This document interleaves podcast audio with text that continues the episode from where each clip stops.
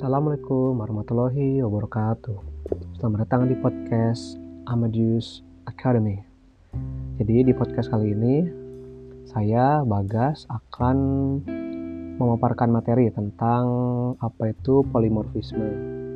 Jadi polimorfisme itu menjadi terbagi menjadi dua suku kata ya, yaitu poli yang berarti banyak dan morfisme yang berarti bentuk. Nah, dalam ilmu sains, polimorfisme itu juga ada, yaitu adalah sebuah prinsip dalam biologi di mana organisme atau spesies memiliki banyak bentuk serta tahapan atau stages. Nah, prinsip tersebut juga diterapkan pada bahasa Java. Jadi, polimorfisme dalam OOP itu merupakan sebuah konsep di mana kelas memiliki banyak bentuk metode yang berbeda, meskipun namanya sama. Nah, maksud dari bentuk ini adalah isinya yang berbeda, namun tipe data dan juga parameternya juga berbeda. Polimorfisme juga dapat diartikan sebagai teknik programming yang mengarah kamu untuk memprogram secara general pada secara, daripada secara spesifik. Contoh kita memiliki tiga kelas yang berbeda, yaitu kelinci, kucing, dan sapi, di mana kelas tersebut merupakan turunan dari kelas hewan.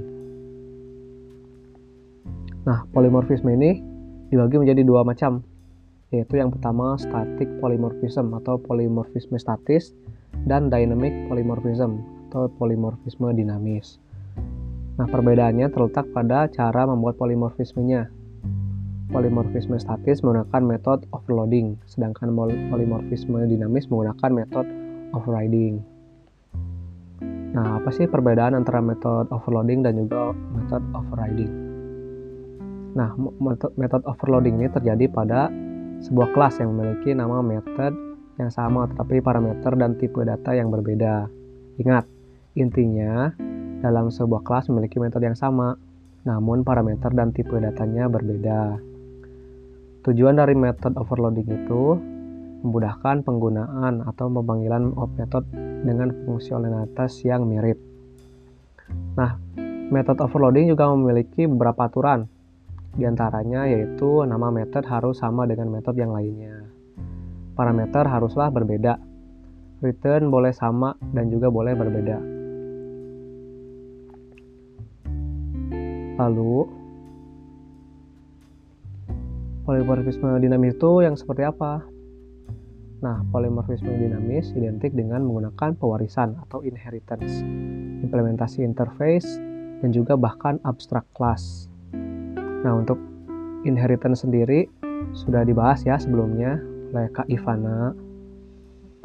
Nah, untuk interface-nya adalah sebuah kelas kosong yang berisi nama-nama method dan nantinya harus diimplementasikan pada kelas lain. Dalam pengimplementasiannya, tiap-tiap kelas akan mengimplementasikan secara berbeda dengan nama method yang sama. Nah, untuk abstrak kelasnya itu sendiri eh, masih dalam bentuk bayangan ia tidak bisa dibuat langsung menjadi objek karena bentuknya masih bayangan atau abstrak.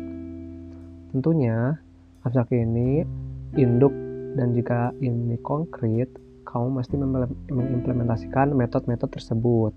Ini bisa kamu lakukan dengan menggunakan teknik pewarisan atau inheritance.